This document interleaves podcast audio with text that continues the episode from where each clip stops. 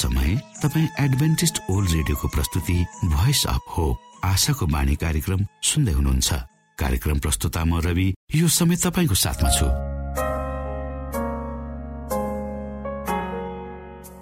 आफ्ना कामहरू अनि व्यस्ततालाई एकातिर राखेर हामीसँग केही समय बिताउने क्रममा यहाँ हुनुहुन्छ। हामी यहाँलाई हाम्रो कार्यक्रममा सहभागी हुनका लागि अनुरोध गर्दछौ। हामी साँचो परमेश्वर तपाईँलाई माया गर्ने परमेश्वर। तपाईँलाई उद्धार गर्न चाहने परमेश्वरका विषयमा जानकारीहरू प्रस्तुत गर्ने क्रममा छौ। श्रोता यी जानकारीहरू तपाईँको निमित्त अति महत्वपूर्ण पनि हुन सक्दछन्। परमेश्वरको प्रेमले तपाईँको जीवन सञ्चालन गर्न सकेको होस् भन्ने शुभ चाहना सहित हाम्रो कार्यक्रमलाई अगाडि बढाउ। सुरुमा सुनौ यो आत्मिक भजन।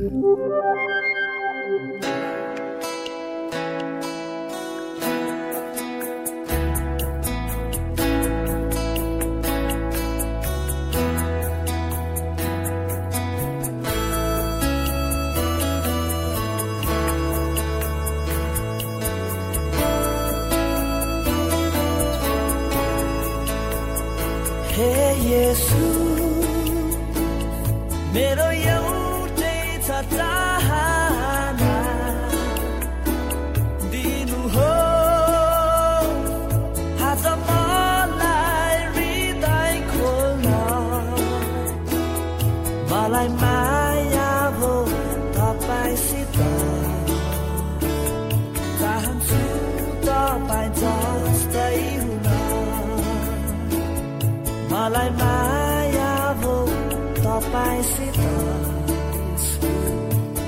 चाहन्छु तपाईँ जस्तै हुन हे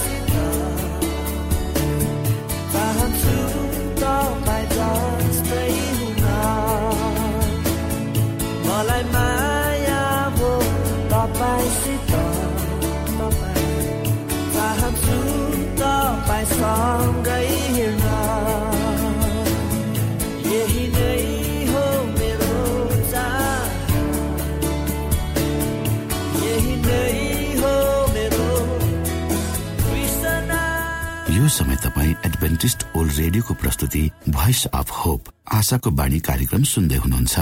श्रोता मित्र यो समय हामी पास्टर उमेश पोखरेलबाट आजको बाइबल सन्देश सुन्नेछौ। श्रोत साथी न्यानो अभिवादन साथ म तपाईँको आफ्नै आफन्त पास्टर उमेश पोखरेल परमेश्वरको वचन लिएर यो रेडियो कार्यक्रम मार्फत पुनः तपाईँहरूको बीचमा उपस्थित भएको छु। श्रोता मलाई आशा छ तपाईँका जीवनका सबै पक्षहरू ठिकठाक रूपमा अगाडि बढ्दैछन् र तपाईँले परमेश्वर को हुनुहुन्छ भन्ने कुरो आफ्नै जीवनद्वारा अनुभव गर्दै हुनुहुन्छ। श्रोता आउनुहोस् आजको प्रस्तुतिलाई म पस गर्नुभन्दा पहिले म परमेश्वरमा अगुवाईको लागि बिन्ती राख्नेछु। जीवी जिउँदो महान दयालु परमेश्वर प्रभु यो रेडियो कार्यक्रमलाई म तपाईँको हातमा राख्दछु। यसलाई तपाईँले तपाईँको राज्य र महिमाको प्रचारको खातिर प्रयोग गर्नुहोस् ताकि धेरै मानिसहरूले यो कार्यक्रम मार्फत तपाईँलाई चिन्न सकुन् र तपाईँको राज्यमा प्रवेश गर्न सकुन्। सबै बिन्ती प्रभु यीशुको नाम। आमेन।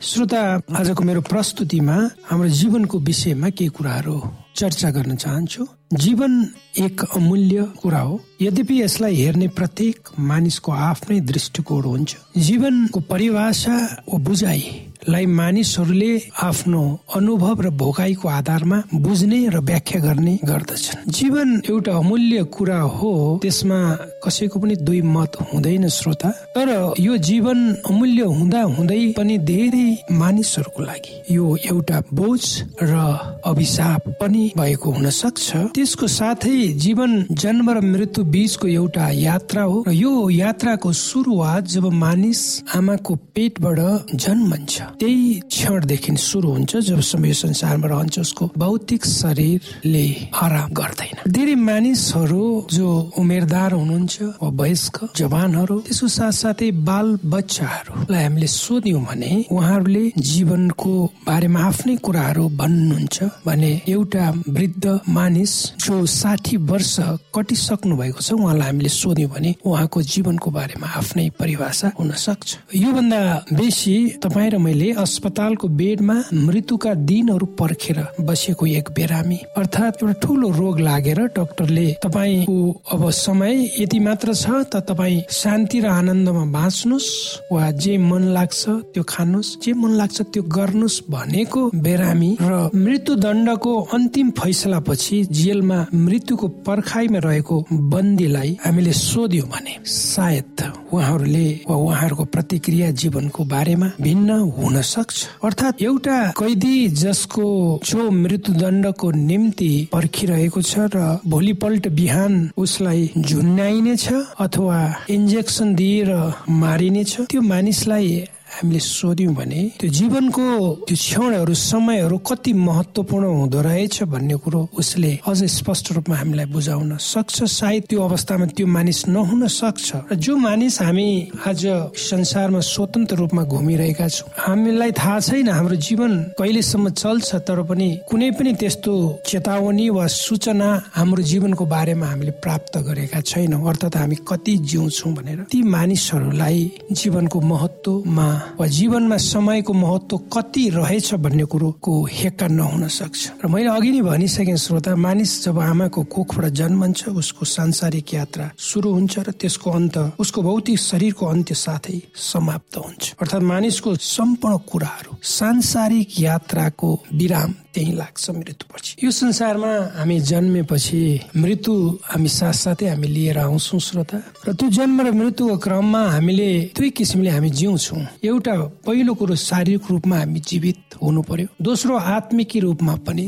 हामी जीवित। भएर जिउनु पर्यो। यो नितान्त व्यक्तिगत कुरो हो जुन प्रत्येक व्यक्तिमा निर्भर गर्दछ। अर्थात् तपाईँ अनि म माथि। किनकि जन्मदे हामीमा के रोज्ने वा चुन्ने भन्ने स्वतन्त्रता लिएर हामी आएका हुन्छौँ। संसारका नियम कानुन वा व्यवस्थाहरूले हामी यो संसारमा रहँदा के गर्नुहुन्छ वा हुँदैन भने स्पष्ट रूपले एउटा मार्ग निर्देश हामीलाई गर्छन्। र यी कुराहरू जो नियम कानुनहरू छन् व्यवस्थाहरू छन् र यदि हामीले पालन गर्ने हो भने हाम्रो जीवन यात्रालाई यी कुराहरूले सहज सरल र अर्थपूर्ण बनाउनको लागि मद्दत गर्छन्। यदि हामीले यी कुराहरू पालन गर्यौं भने किनकि मानिस हामी जन्मेपछि मृत्युसम्मको त्यो पिरियड समय छ त्यो बिचमा हामीले धेरै चरणहरू पार गर्छौँ धेरै कुराहरू हामीले गर्छौँ र स्वभावैले हामी मानिसहरू प्रगति गर्ने अगाडि बढ्ने चेतनाले डोहोरियाइएका हुन्छौँ। यो एउटा स्वाभाविक प्रक्रिया हो। किनभने मानिस जन्मेपछि ऊ शारीरिक रूपमा मानसिक रूपमा ऊ बढ्छ सबै कुरामा ऊ अगाडि बढ्न चाहन्छ। र यदि यो प्रक्रियामा। यो प्रक्रियालाई हामीले सहज रूपमा लिएर देश र समाजको नियम व्यवस्था कानुनलाई हामीले पालन गर्यौं र आफूलाई अनुशासित बनाएर एउटा नैतिकवान एउटा परिवारको चाहिँ सदस्य वा बाबु श्रीमान छोरा त्यो परिवारको एउटा सदस्य वा समाजको एउटा सदस्य भयौँ भने हामीलाई हाम्रो जीवन सहज बनाउन र हाम्रो लक्ष्यमा पुर्याउनको लागि यी कुराहरूले हामीलाई सहयोग गर्छन्। होइन भने ती कानुन व्यवस्था नियमको कुनै पनि अर्थ तपाईँ र मेरो जीवनमा लाग्दैन। त्यसले कुनै पनि प्रभाव हाम्रो जीवनमा पार्दैन।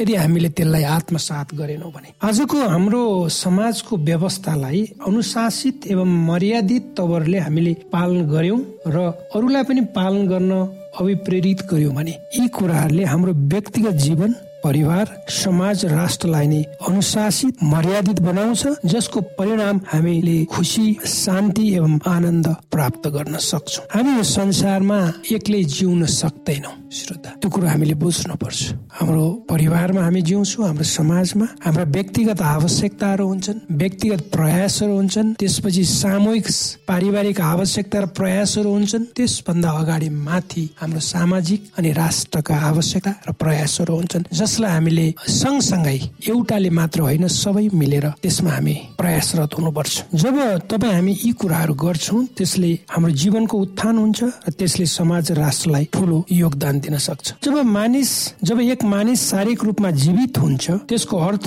ऊ आफ्नो शारीरिक त्यसको अर्थ ऊ शारीरिक रूपले तन्दुरुस्त हुन्छ उसका शरीरका अङ्गहरू क्रियाशील हुन्छन् र ती अङ्गहरूले संयुक्त रूपमा उक्त व्यक्तिलाई उसको एउटा जीवनलाई सफलताको बिन्दुमा पुर्याउन सहयोग गर्दछन्। जस्तो हाम्रा शरीरका विभिन्न अङ्गहरू हुन्छन्। हातहरू खुट्टाहरू कानहरू नाकहरू यी सबै अङ्गहरूले जब यी सबै अङ्गहरूले जब सँगसँगै काम गर्छन् आफ्नो जिम्मेवारीलाई यिनीहरूले पुरा गर्छन् तब एउटा मानिस त्यहाँ जीवित रूपमा शारीरिक रूपमा एउटा जीवित मानिस हामी देख्न सक्छौँ त्यहाँ। तर यदि यी अङ्गहरू मध्ये कुनै अङ्गहरूमा खराबी आयो कुनै अङ्गहरूले काम नगर्ने हो भने एउटा पूर्ण शरीर हुन सक्दैन र त्यो शरीरले पूर्ण रूपमा काम गर्न सक्दैन र त्यसले एउटा उपलब्धि पनि हासिल गर्न सक्दैन। त्यसको साथसाथै एउटा मानिस सफल हुनलाई उसको शारीरिक पन त चाहिन्छ। त्यतिले मात्र पुग्दैन। जबसम्म मानिस आत्मिकी रूपमा जीवित हुँदैन। अर्थात् जबसम्म एउटा मानिसको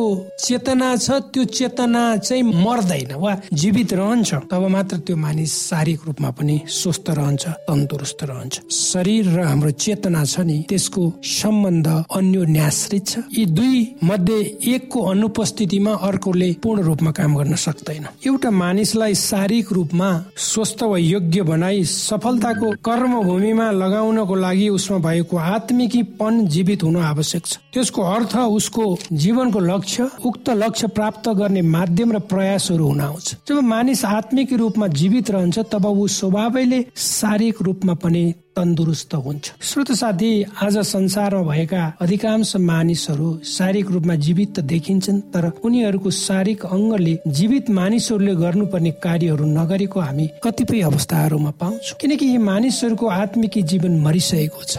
अर्थात् यी मानिसहरूको चेतनाको स्तर चाहिँ के भइसकेको छ? मरिसकेको छ। जब मानिसमा एउटा चेतना हुन्छ एउटा मानवीय पन हुन्छ त्यो पनले मानिसलाई एउटा मानिसको रूपमा जिउनको लागि अभिप्रेरित गर्छ अनि त्यसले एउटा चाहिँ त्यसलाई अगाडि बढाउँछ। तर यदि मानिसमा भएको त्यो मानवीय पन वा चेतना मानिसमा छैन वा त्यो मरिसकेको छ भने त्यो मानिस बाहिरी रूपमा शारीरिक रूपमा जीवित देखिएला तर त्यो एउटा मृत मानिसको मानिसको रूपमा त्यसलाई हामी तुलना गर्न सक्छौँ। किनभने जो मानिसको आत्मा मरिसकेको छ वा जो मानिसको मानवीयता चाहिँ मरिसकेको छ त्यो मानिसले जीवित रहेर कुनै सकारात्मक काम वा एउटा सन्देश आफ्नो जीवनमा परिवारमा वा समाजमा र राष्ट्रमा गर्न सक्दैन दिँदैन। मानिस चेतनशील प्राणी हो ऊ परमेश्वरको हातको उत्कृष्ट सिप पनि हो। पवित्र धर्मशास्त्र बाइबलले मानिसको सृष्टिको बारेमा यसो भन्छ। आउनुहोस् हामी हेरौँ पवित्र धर्मशास्त्र। बाइबलको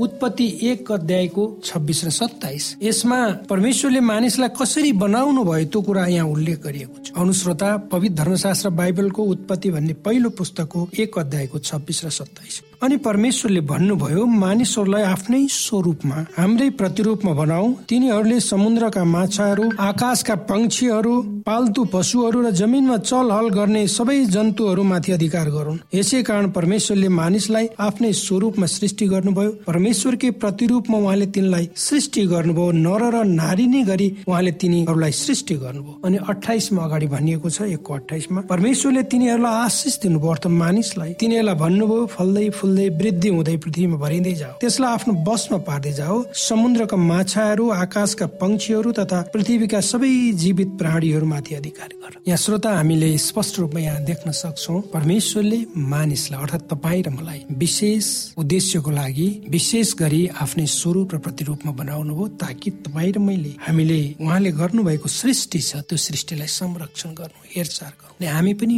फल्दै फुल्दै जाउँ वृद्धि हुँदै जाउँ। त्यसकारण हामीले यहाँ बुझ्नुपर्ने कुरा के भन्दा हामी मानिसहरू हामी जहाँ जस्तो अवस्थामा किन नहौँ? तर हामी सबै परमेश्वरकोले बनाउनु भएका परमेश्वरका हातका सिपहरू हौ र परमेश्वरले हामी सबैलाई एक एकलाई आफ्नै स्वरूप र प्रतिरूपमा बनाउनु भयो र उही किसिमले हामीलाई अवसरहरू दिनुभयो आशिष दिनुभयो। परमेश्वरको अगाडि कोही ठुलो सानो धनी गरिब पढेको नपढेको केही पनि हुँदैन। तराईमा बस्ने पहाडमा बस्ने सहरमा बस्ने कुनै पनि भिन्नता हुँदैन। त्यसका कारण श्रोत साथी तपाईँ कुन परिस्थितिमा भएर आफ्नो जीवन तपाईँ बिताउँदै हुनुहुन्छ त्यो त मलाई थाहा छैन। तर जे भए पनि यदि तपाईँलाई लाग्छ आफ्नो जीवन चाहिँ एउटा बोझ भएको छ तपाईँले जीवन के बुझ्नु भएको छैन परमेश्वरलाई बुझ्नु भएको छैन भने तपाईँले आफ्नो यो अमूल्य जीवन छ त्यसलाई बोझको रूपमा होइन। र यो चाहिँ एउटा असल कुरा हो जो परमेश्वरले दिनुभएको छ। त्यसलाई हामीले एउटा आशिषको रूपमा हामीले लिनुपर्छ र आफ्नो जीवनलाई हामीले परमेश्वरमा समर्पित गर्नुपर्छ यदि हामीले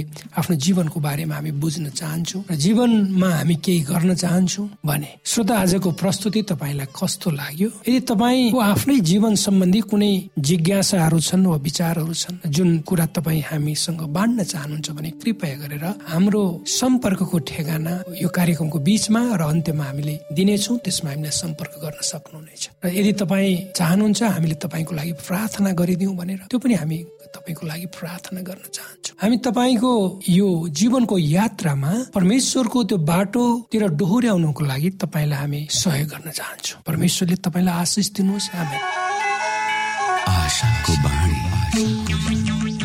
श्रोता भर्खरै यहाँले पास्टर उमेश पोखरेलबाट बाइबल वचन सुन्नुभयो। यो समय तपाईँ एडभेन्टिस्ट ओल्ड रेडियोको प्रस्तुति भोइस अफ होप आशाको बाणी कार्यक्रम सुन्दै हुनुहुन्छ। कार्यक्रम सुनेर बस्नुहुने सबै श्रोतालाई हामी हाम्रो कार्यक्रममा स्वागत गर्न चाहन्छौ। श्रोता मित्र यदि तपाईँ जीवनदेखि हरेस खानु भएको छ तपाईँका जीवनमा धेरै अनुत्तरित प्रश्नहरू छन् भने आउनुहोस् हामी तपाईँलाई परमेश्वरको ज्योतिमा डोहोऱ्याउन चाहन्छौँ र तपाईँ आफ्नो जीवनका चिन्ता फिक्रीबाट निश्चिन्त हुनुहोस् र बाँच्नुको आनन्द परमेश्वरको सामिप्यमा कति मिठो हुन्छ त्यो चाख्नुहोस् भनी हामी चाहन्छौँ। श्रोता यदि तपाईँ आशाको बाणी कार्यक्रमलाई अनलाइन सुन्न चाहनुहुन्छ वा डाउनलोड गर्न चाहनुहुन्छ भने डब्लु डट डट ओआरजीमा जानुहोस्। त्यहाँ तपाईँले प्रत्येक दिनको कार्यक्रम सुन्न र डाउनलोड गर्न सक्नुहुनेछ। हाम्रो वेब पेज यस प्रकार छ W dot AWR dot ORG श्रोता यदि तपाईँ हामीसित सिधै फोनमा सम्पर्क गर्न चाहनुहुन्छ भने हाम्रा नम्बरहरू यस प्रकार छन्। अन्ठानब्बे एकसाठी पचपन्न शून्य एक सय बिस. अन्ठानब्बे एकसाठी पचपन्न शून्य एक सय बिस. र अर्को अन्ठानब्बे अठार त्रिपन्न पन्चानब्बे पचपन्न. अन्ठानब्बे अठार त्रिपन्न पन्चानब्बे पचपन्न।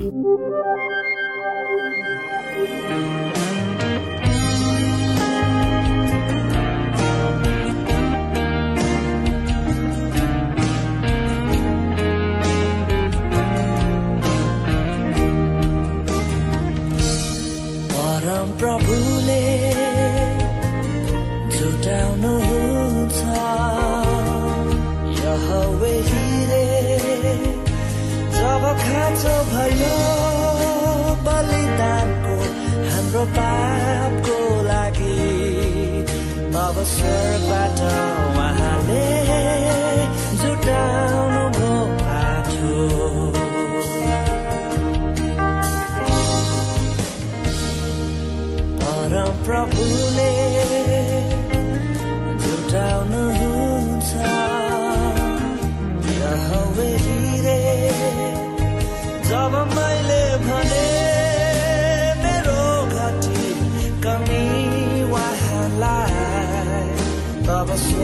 matter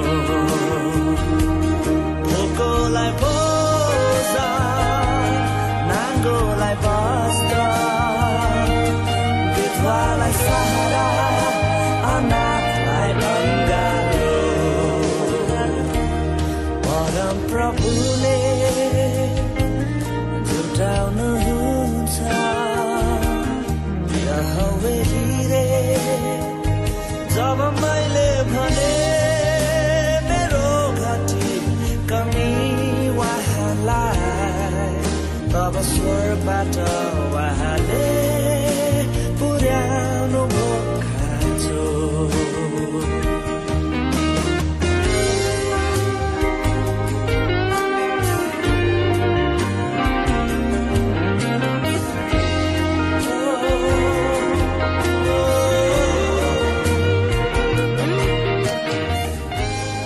आदरणीय मित्र बाइबलले बताएको छ परमेश्वरले तीर्खाकाहरूलाई तृप्त पार्नुहुन्छ र भोकालाई उत्तम पदार्थले सन्तुष्ट पार्नुहुन्छ।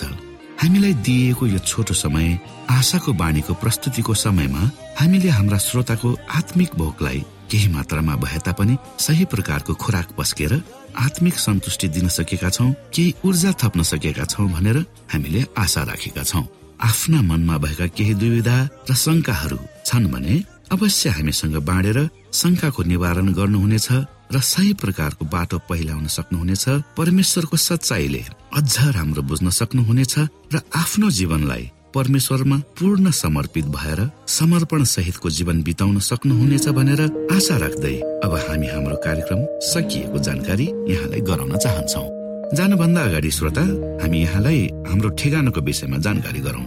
हामीसँग पत्राचार गर्ने हाम्रो ठेगाना यस प्रकार छ। आशाको बाणी पोस्ट बक्स नम्बर दुई शून्य शून्य शून्य दुई काठमाडौँ नेपाल। आशाको बाणी पोस्ट बक्स नम्बर दुई शून्य शून्य शून्य दुई काठमाडौँ नेपाल। यसै गरी श्रोता यदि तपाईँ हामीसँग सिधै कुराकानी गर्न चाहनुहुन्छ भने हाम्रो फोन नम्बर यस प्रकार छ अन्ठानब्बे एकसाठी पचपन्न शून्य एक सय बिस। अन्ठानब्बे एकसाठी पचपन्न शून्य एक सय बिस र अर्को अन्ठानब्बे अठार त्रिपन्न पन्चानब्बे पचपन्न। अन्ठानब्बे अठार त्रिपन्न पन्चानब्बे पचपन्न। हामीलाई इमेल पनि गर्न सक्नुहुन्छ। हाम्रो इमेल एड्रेस यस प्रकार छ Nepal at AWR dot ORG Nepal at AWR dot ORG यदि तपाईँ हामीलाई अनलाइन सुन्न चाहनुहुन्छ वा डाउनलोड गर्न चाहनुहुन्छ भने तपाईँ W dot A W R dot ओआरजीमा जानुहोस् र त्यहाँ तपाईँले हाम्रा सबै कार्यक्रमहरू सुन्न सक्नुहुनेछ। हाम्रो वेब पेज यस प्रकार छ W dot AWR dot ORG श्रोता यसमा गएर तपाईँले हाम्रा दैनिक कार्यक्रमलाई सुन्न सक्नुहुनेछ र डाउनलोड पनि गर्न सक्नुहुनेछ। हवस् श्रोता हाम्रो कार्यक्रम सुनिदिनु भएकोमा एकचोटि फेरि यहाँलाई धन्यवाद दिँदै भोलि फेरि यही स्टेशन यही समयमा यहाँसँग भेट्ने आशा राख्दै प्राविधिक साथी राजेश पास्टर उमेश पोखरेल र कार्यक्रम प्रस्तुता म रवि यहाँसँग विदा माग्दछौ। परमेश्वरले तपाईँलाई धेरै धेरै आशिष दिनुभएको होस्। नमस्कार।